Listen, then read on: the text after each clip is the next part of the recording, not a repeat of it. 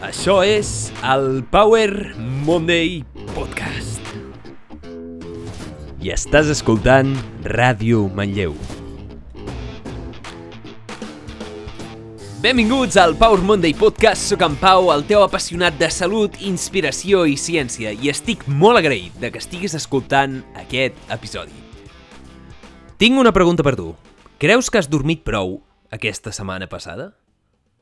La següent pregunta és, pots recordar la última vegada que et vas despertar sense un despertador amb la sensació d'estar ben fresc o fresca, sense necessitar cafeïna per estar despert?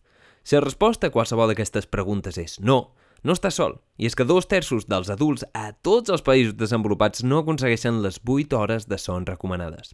Dubto que aquest fet et sorprengui, però potser el que sí que et sorprendrà són les seves conseqüències. Dormir de manera rutinària menys de 6 hores o 7 ha demostrat que destrossa el teu sistema immunitari i que més duplica el teu risc de càncer. Dormir de manera insuficient és un factor clau perquè acabis desenvolupant o no la malaltia d'Alzheimer. El son inadequat, fins i tot en reduccions moderades durant només una setmana, ha demostrat que altera els nivells de sucre en sang tan profundament que series classificat com a prediabètic. Dormir poc, a més, augmenta la probabilitat de que les artèries coronàries es bloquegin, es tornin trencadisses, la qual cosa et posa en camí a patir malalties cardiovasculars com l'ictus, la insuficiència cardíaca congestiva o l'atac de cor. I també, tots sabem que una ment estressada fa un coixí inquiet i que quan dormim malament estem de mal humor, però, a més, la interrupció del son o dormir malament contribueix a totes les condicions psiquiàtriques principals, incloses la depressió, l'ansietat i el suïcidi. I és que no hi ha cap malaltia mental que tingui una arquitectura del son normal. Vale, vale, vale, Pau. Ara ja m'estàs espantant. Jo que pensava que entrava aquí a escoltar un missatge d'inspiració i ciència i que parlaries de coses interessants i només m'estàs aquí deprimint. Però bé, efectivament, avui parlem de l'hàbit més important de la teva vida, que és dormir. Et portaré conceptes que t'ajudaran a entendre per què dormim, per què t'hauria d'importar dormir i set eines pràctiques que pots utilitzar des de ja, des d'avui, avui ja pots aplicar-les per millorar la teva vida a través de dormir. I és que dormir com he dit, és l'hàbit més important de la teva vida. No és un sol pilar. Dormir forma part dels fonaments de la salut. Potser és més important que la nutrició i l'exercici combinats. Dormir és essencial. Dormir és l'hàbit més important de la teva vida. I parlarem d'això en aquest episodi, però abans de començar, deixa'm fer-te un petit recordatori. Si us plau, si t'agrada aquest contingut i creus que pot ajudar algú a viure millor, comparteix-lo. T'estaré molt agraït perquè faràs arribar més lluny el missatge d'aquest episodi, el missatge a Power Monday Podcast. Pots escoltar el podcast a moltes plataformes com Spotify, Google Podcast, Evox, Apple, Apple Podcast, on tenim on em posis un m'agrada, un seguir i una valoració perquè no perdis cap episodi. I m'ajudaràs moltíssim, m'ajudaràs a créixer, a estar a davant de tot amb l'algoritme i a fer arribar més enllà aquest missatge. Segueix-me també a Instagram Power Monday Show i si em vols donar suport estic també a la Xeta, on pots donar suport a aquest contingut. Links i estudis i recursos i xarxes a la descripció d'aquest episodi i també em pots escoltar a Ràdio Manlleu a partir de les 8 a dos quarts de 9 cada dilluns. Avui parlem de l'hàbit més important de la teva vida, dormir, un dels pilars fonamentals de la salut, per què, com eines i molt més. Així que anem a començar aquest episodi. Som-hi! A la mare naturalesa li va costar uns 3,6 milions d'anys posar aquesta necessitat essencial de 7 a 9 hores al seu lloc per a l'adult mitjà. I realment, això de dormir ha de ser important, perquè és una acció que fa que com a espècie no puguem ni buscar menjar, ni buscar aixopluc, ni reproduir-nos i estem, durant bàsicament 8 hores, vulnerables als depredadors.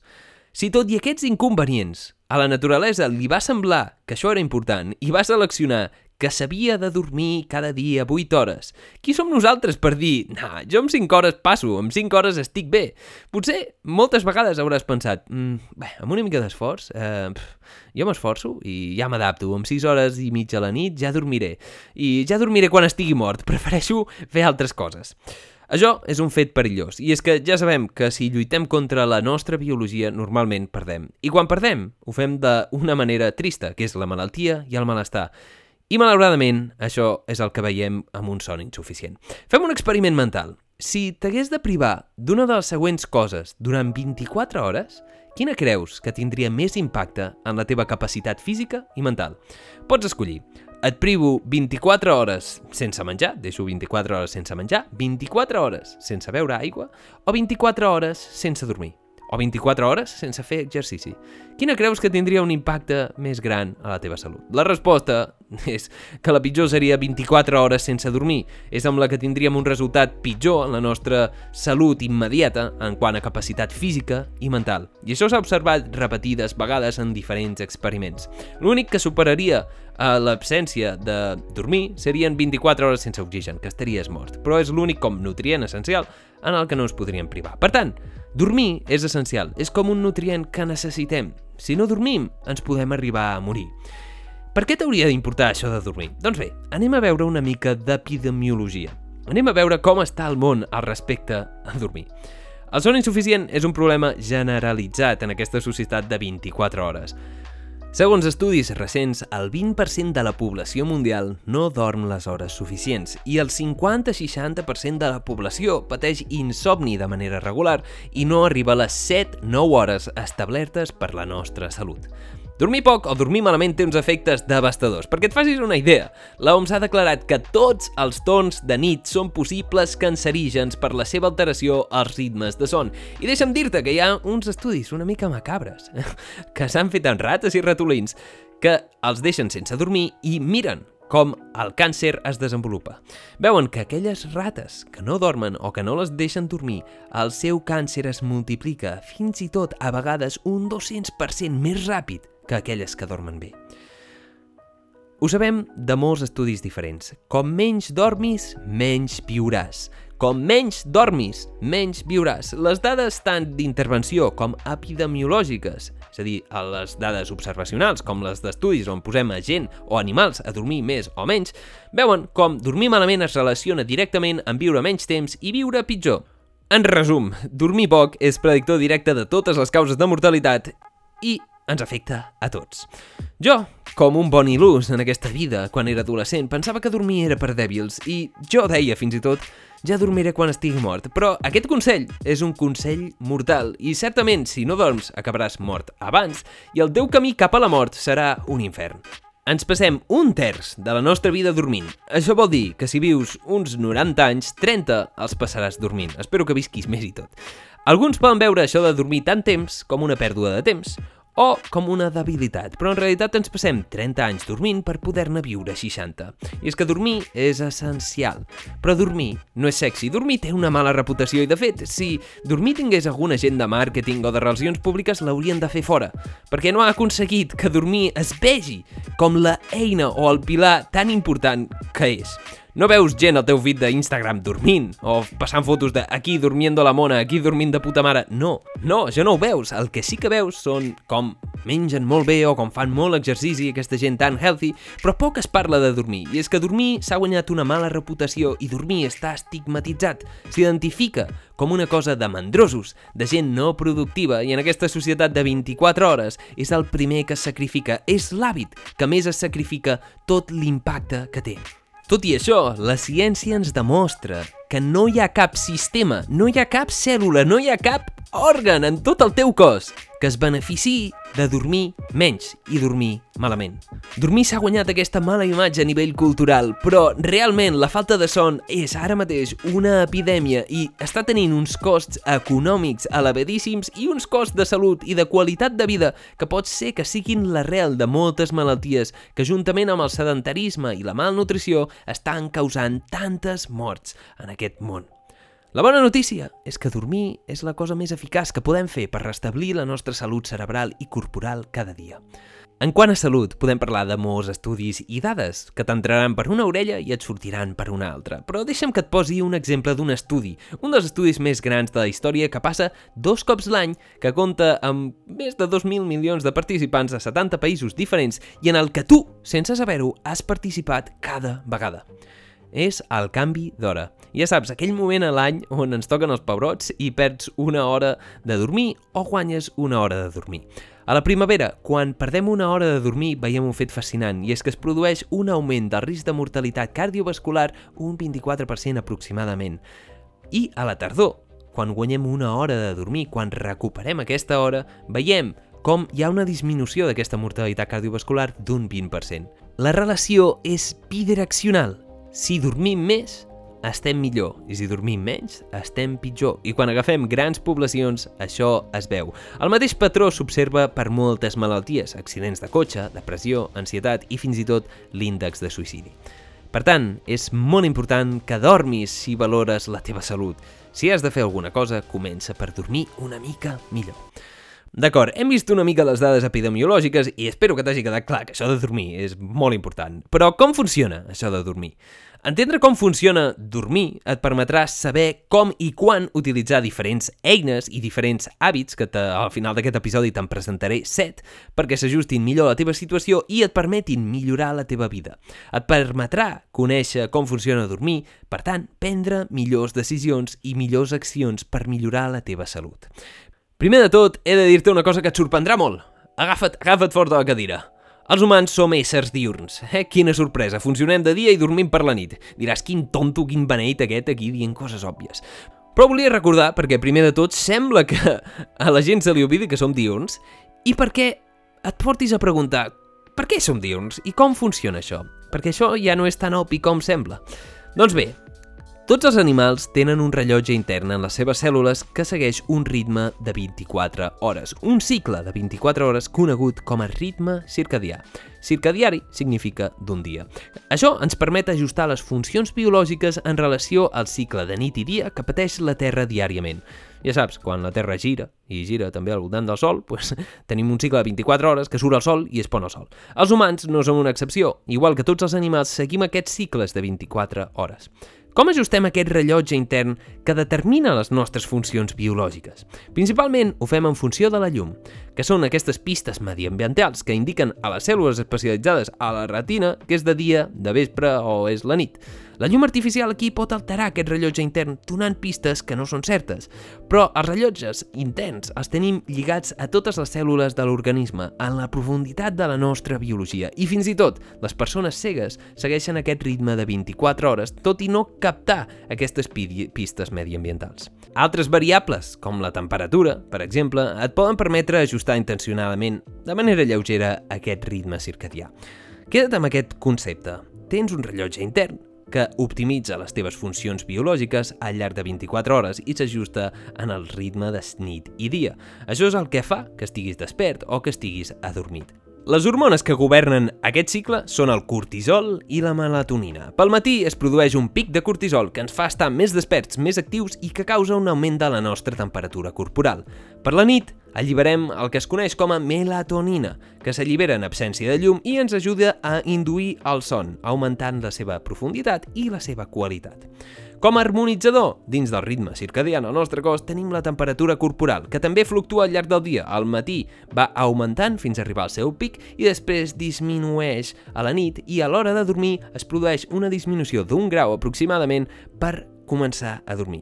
Això és important perquè si alteres la teva temperatura interna o externa pots afectar la teva qualitat del son. Per exemple, la temperatura òptima per dormir quina és? Doncs bé, és de 16 a 19 graus. Estudis ens indiquen que aquest rang de temperatures facilita la baixada de la temperatura central del cos, que és necessària per adormir-se. S'ha vist, per tant, que la regulació de la temperatura juga un paper molt important en els casos d'insomni i d'insomni crònic. Els investigadors han demostrat que en aquells que els hi costa dormir tendeixen a tenir una temperatura corporal més elevada just abans d'anar a dormir, el qual els hi provoca una major excitació i una dificultat per adormir-se. No cal que et congelis tampoc, però Disminuir la teva temperatura corporal a través de mesures externes o internes et pot ajudar. I també, si augmentes la teva temperatura abans d'anar a dormir, pot ser que no t'adormis. Tot això està relacionat amb la salut circadiana, aquest ritme de 24 hores, fluctuació de cortisol, melatonina i temperatura. Important, queda't amb els principis bàsics. Dins de la biologia tenim una branca coneguda com a cronobiologia, que és una friqui dels automatismes i li encanten les estructures repetitives, i la son no és una excepció. Quan dormim, el nostre son segueix uns cicles de 90 minuts, construïts també de manera repetitiva en 5 fases diferents. Tenim el son superficial, el son lleuger, la transició, el son profund, el son profund i la fase REM. El son profund també es coneix com a fase no REM. Moltes vegades pensem que hi ha alguna fase més important que d'altres, que n'hi ha alguna de més crucial. I La majoria de gent es creu que la fase més important de totes és la fase REM, i no perquè es digui com la banda de pop-rock dels 80 que va fer Losing My Religion, sinó perquè és on somiem. Però la veritat és que la ciència està observant que totes les etapes són importants de manera diferent, però totes són essencials. Com ho sabem això? Doncs un altre cop fem experiments macabres als ratolins, els privem d'una sola fase de dormir i mirem com l'afecten. I quan els privem, independentment de la fase que els privem, veiem que l'efecte és negatiu. Per tant, queda't amb el principi bàsic. Totes les etapes són importants i dormir, en general, és important. El dormir segueix aquests cicles de 90 minuts que t'explicava. Això és variable però és important també, perquè si et despertes a mig d'un cicle de son, pot ser que et despertis més cansat. En canvi, si et despertes just quan s'acaba el cicle de son, inicia un altre, novament, que fa aquest cicle de son superficial, son lleuger, transició, el son profund i la fase REM, i després torna a començar. Això segueix un cicle de 90 minuts. Si et despertes a mig cicle, és molt probable que et despertis una mica cansat. Per tant, si has de fer 5 cicles, pots dormir 7 hores i mitja o 9 hores. Per això es diu lo de les 7 hores, 9 hores. El temps és variable en funció de les persones, però queda't una mica amb aquest concepte. Igual, pot ser que descobreixis que si et despertes 15 minuts abans et despertes millor perquè ja no has iniciat un nou cicle de son.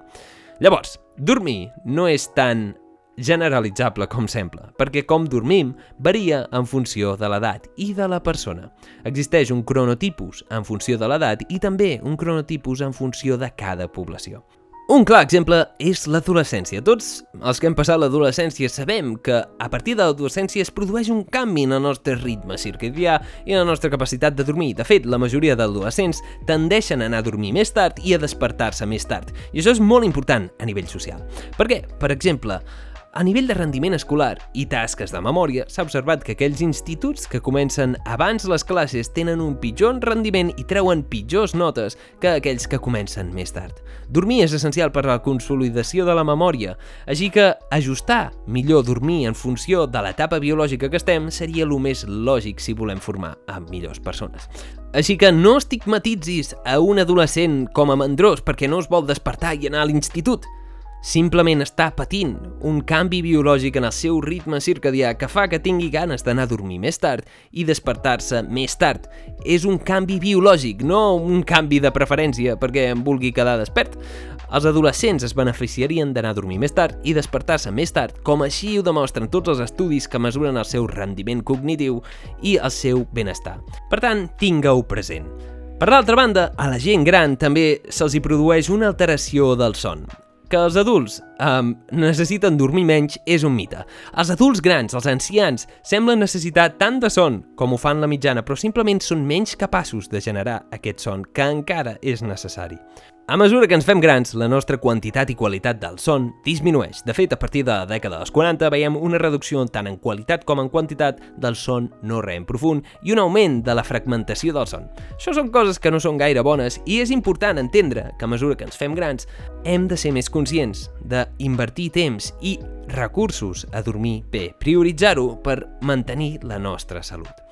Però a més a més, cadascú és únic i cadascú és diferent i cadascú té el que es coneix com a cronotipus. Per tant, dormir no només depèn de l'edat, no només depèn del gènere, sinó que també depèn de la biologia individual de cada persona, de la seva genètica.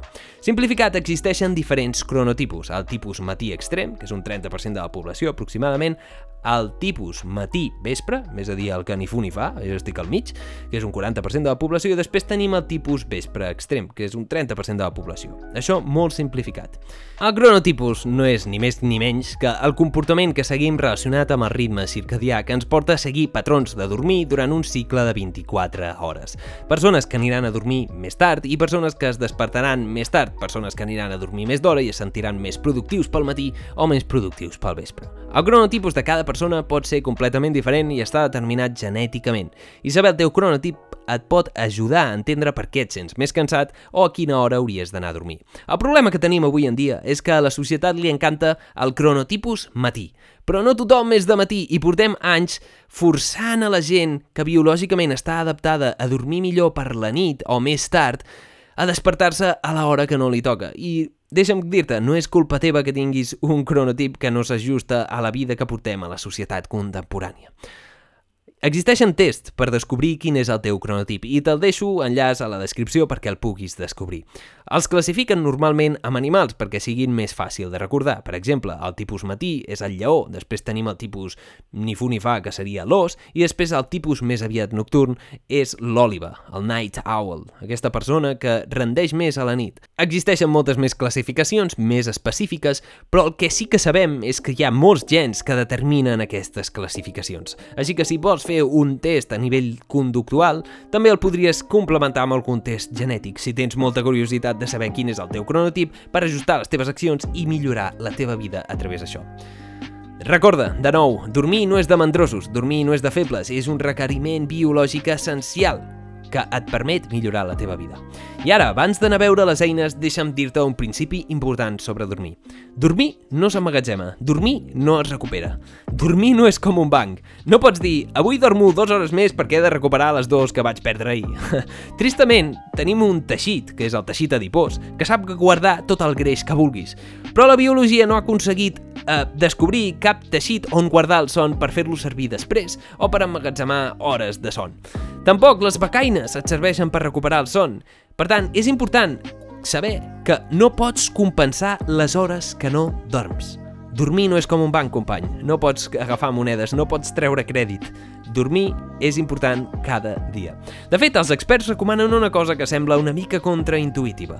Si no dorms prou bé un dia o dorms poc, no compensis el dia següent, perquè això et podria causar un efecte en cadena i et podia desestabilitzar el teu ritme circadià causant que dormis pitjor les següents nits. Per tant, centra't en ser regular i si una nit no dorms prou, no compensis ni augmentant la cafeïna, ni augmentant les siestes que fas, ni augmentant les hores que dorms. Torna a la normalitat. Això és un consell d'experts, que encara que sembli contraintuïtiu, sembla que ser, sembla ser que és molt important. Abans de veure les 7 eines que t'he promès al principi d'aquest episodi, deixa'm recordar-te quatre coses que el tenen al teu son, que si les entens podràs saber com controlar això de dormir.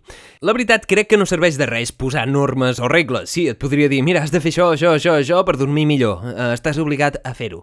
La veritat és que la gent atén molt més a motius i a raons que no pas a regles i a normes. I per això intento donar-te informació que et capaciti per viure la teva vida en els teus propis termes, per decidir i prendre decisions informades segons el que tu vulguis. Per tant, hi ha quatre coses que alteren el teu son, que si les entens pots controlar això de dormir. Anem-les a veure. Són la llum, l'estat d'alerta, la temperatura corporal, i les drogues. Controla aquestes quatre variables i no farà falta que t'expliqui les set, els set consells que tinc per tu.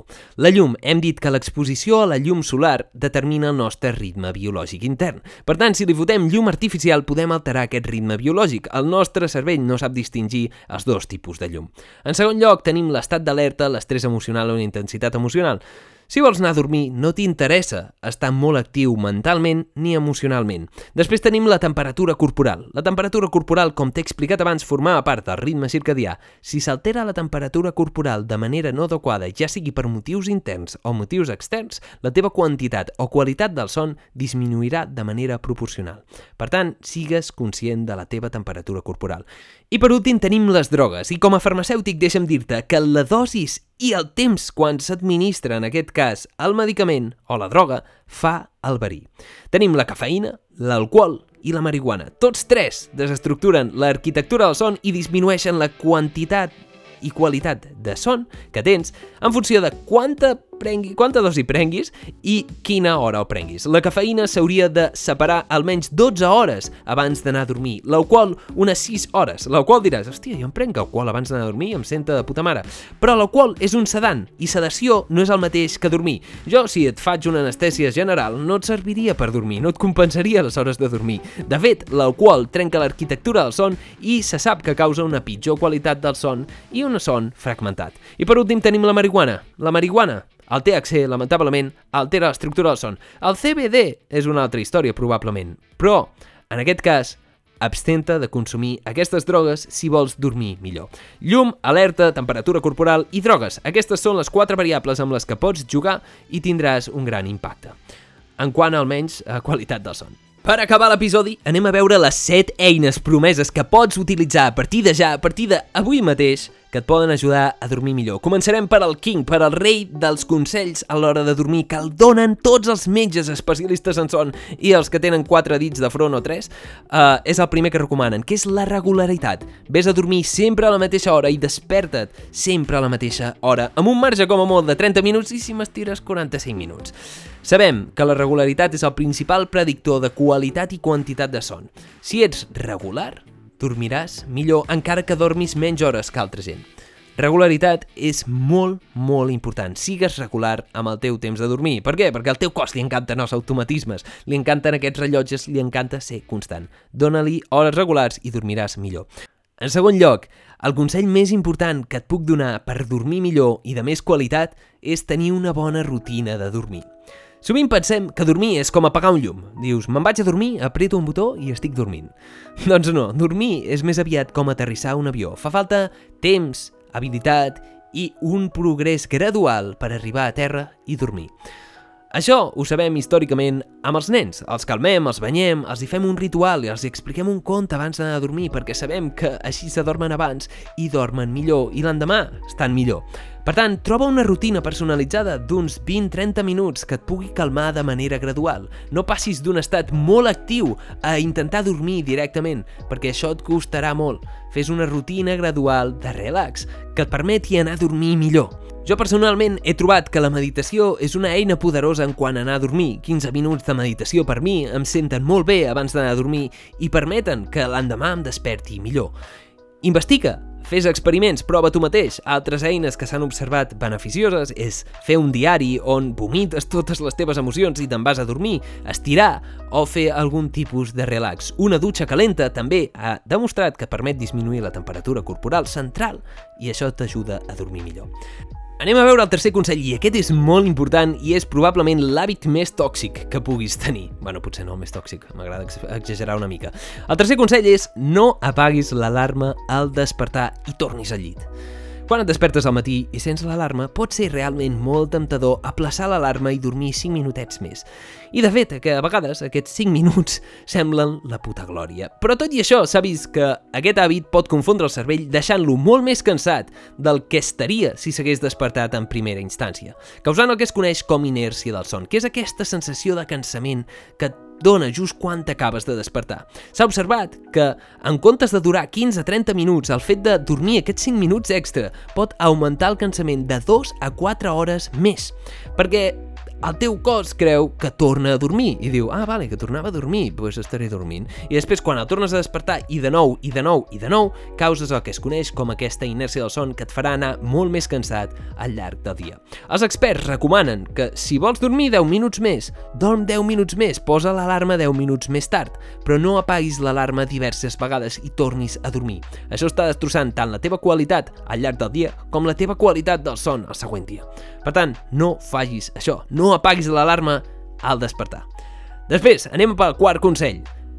Aquest també va d'alarmes, i és que molts tenim una alarma per despertar, però el meu consell és que posis una alarma abans d'anar a dormir. Per exemple, pots posar una alarma que et serveixi per recordar que has de fer una rutina abans d'anar a dormir i recordar que és prioritari dormir. Sovint, el primer hàbit que sacrifiquem és dormir. Si hem de veure una pel·li, sacrifiquem dormir. Si hem de fer cosa X, sacrifiquem dormir, perquè en aquest estil de vida tenim poc temps lliure i creiem que ens en mereixem més, el qual és normal. Però recorda que dormir impacta directament a totes les àrees de la teva salut. Per tant, prioritza dormir, posa't una alarma, un recordatori, que si només fa que dormis dos cops a la setmana abans, ja hauràs guanyat uns minuts i això es notarà. El cinquè consell és la foscor, i aquest va de llum. A l'hora abans d'anar a dormir, apaga al màxim de llum la teva casa. Evita al màxim l'exposició a llum i veuràs com dorms millor. Particularment la llum que et ve per sobre el cap, que té un angle d'incidència molt semblant al son i mimetitza la llum real i fa que el teu ritme circadià s'alteri una mica. Hi ha un expert del son que recomana que la teva casa sembli una cova. Com menys llum a l'hora de dormir hi hagi o a l'hora precedent a dormir hi hagi, molt millor. I això em porta al sisè consell. Aquest és molt important. El mòbil fora del llit. El mòbil que no entri pràcticament a l'habitació on dormis. I és que el mòbil i tots aquests dispositius electrònics emeten una llum blava, la llum que imita el sol i suprimeix la producció de melatonina, que és essencial per induir el son i mantenir la seva quantitat i qualitat. El que sí que ens hem començat a donar que, a part de la llum, Uh, aquests dispositius són molt activants, són molt estimulants, t'estimulen, et desperten encara que tinguis son. Però el geni de la tecnologia ja ha sortit de la làmpada i ja no el podrem tornar a fer entrar. Per tant, sigues conscient d'aquests efectes que tenen aquests dispositius i deixa'ls fora de l'habitació on dorms. Deixa'ls fora, que no entrin, o almenys que no entrin al llit. En el llit no entren aquests dispositius. És un consell que si l'utilitzes realment m'ho agrairàs. Per últim, el setè consell és no estiguis al llit despert. El llit és per dormir. El teu cervell associa ambients amb accions i estats mentals. Si utilitzes el teu llit per mirar el mòbil, per mirar Instagram, per pensar o per fer altres coses, el teu cervell estarà més actiu que si només dormissis al llit. Si utilitzes el llit per dormir, associaràs llit igual a dormir i dormiràs millor. Aquests són els 7 consells. Hem vist 7 consells essencials que et poden permetre ajudar millor. Te'ls recordo, regularitat, rutina, relax, no apagar l'alarma al despertar, foscor absoluta, mòbil fora del llit i no estiguis despert al llit. Abans de tancar, deixa'm afegir dos eines més útils. Exercici pel matí, no per la nit. Si el fas per la nit, augmentarà la teva temperatura corporal i dormiràs pitjor. Fer exercicis millor que no fer-ne, però, si us plau, fes-lo al matí perquè això es vincula amb dormir millor. I si pots, cafeïna i alcohol, out, sempre de la qüestió, sempre que puguis. Com que últimament m'agrada flipar-me, deixa'm acabar amb una mica d'inspiració. Afegir minuts al llarg de la teva vida en quant a dormir és una inversió a llarg termini que et pagarà enorme quantitat de dividends. Sabem que aquells que dormen menys viuen menys temps i viuen pitjor, així que prioritza el que és important. Dormir no és de mandrosos, dormir no és de gent vaga, dormir és de savis, dormir és important, dormir és el pilar fonamental, així que assegura't de dormir aquesta nit. Assegura't de dormir, vés a dormir bé, no ho sacrifiquis, perquè si ho sacrifiques, estàs sacrificant la teva vida. I això és tot, amic meu, per aquest episodi. Bona nit. Ei, moltíssimes gràcies per haver escoltat aquest episodi. Espero que t'hagi agradat molt o t'hagi aportat una mica de valor. Si us plau, si t'ha agradat aquest episodi, comparteix-lo amb alguna persona que creguis que se'n pot beneficiar i m'ajudaràs moltíssim a fer arribar més enllà la paraula del Power Monday Podcast. M'ajudaràs a créixer i a divulgar. Pots seguir-me a Instagram Power Monday Show i pots trobar aquest podcast a moltes plataformes com Spotify, Google Podcast, Evox, Apple Podcast, on tenim on me'n posis un m'agrada, un seguir, una valoració i que no perdis cap episodi perquè segueixo pujant contingut cada dilluns. Ara també em pots escoltar a Ràdio Manlleu, cada dilluns de les 8 a les 8 i mitja o dos quarts de 9 del vespre. Per últim, estic a la xeta on pots donar suport a aquest contingut i tots els enllaços, articles, estudis, autors, llibres i recursos consultats els pots trobar en la descripció d'aquest episodi. Aquest episodi és probablement l'episodi que parla del hàbit més important de la teva vida, dormir. Un test de la teva vida dormint coi, ha de ser important això, no pot ser, no pot ser una broma. Llavors, espero que dormis bé, que apliquis algun consell. Uh, tinc una pregunta per tu. Quin hàbit començaràs a adoptar per millorar això de dormir, per augmentar la quantitat i la qualitat del son? Més sobre dormir, més informació pots trobar a la descripció en els llibres Why We Sleep de Matthew Walker i Sleep Smarter de Sean Stevenson. Els dos els trobes als enllaços de la descripció. Deixa'm recordar-te, si ningú t'ho ha dit encara, que ets estimat, ets únic, irrepetible i que ara és un bon moment per prendre acció. Et desitjo una setmana èpica, plena de creixement, salut i de dormir molt i ens veurem com sempre en el pròxim episodi. Ei, i un sol missatge per acabar aquest episodi. Si us plau, intenta dormir com a mínim de 7 a 9 hores cada dia al llarg de la teva vida i veuràs la major part de beneficis. Ah, i que sàpigues que estar al llit no és el mateix que dormir, eh? no no m'enganyeu amb aquesta, eh? A mimir, nois, a mimir. Vinga, a mimir, ciao.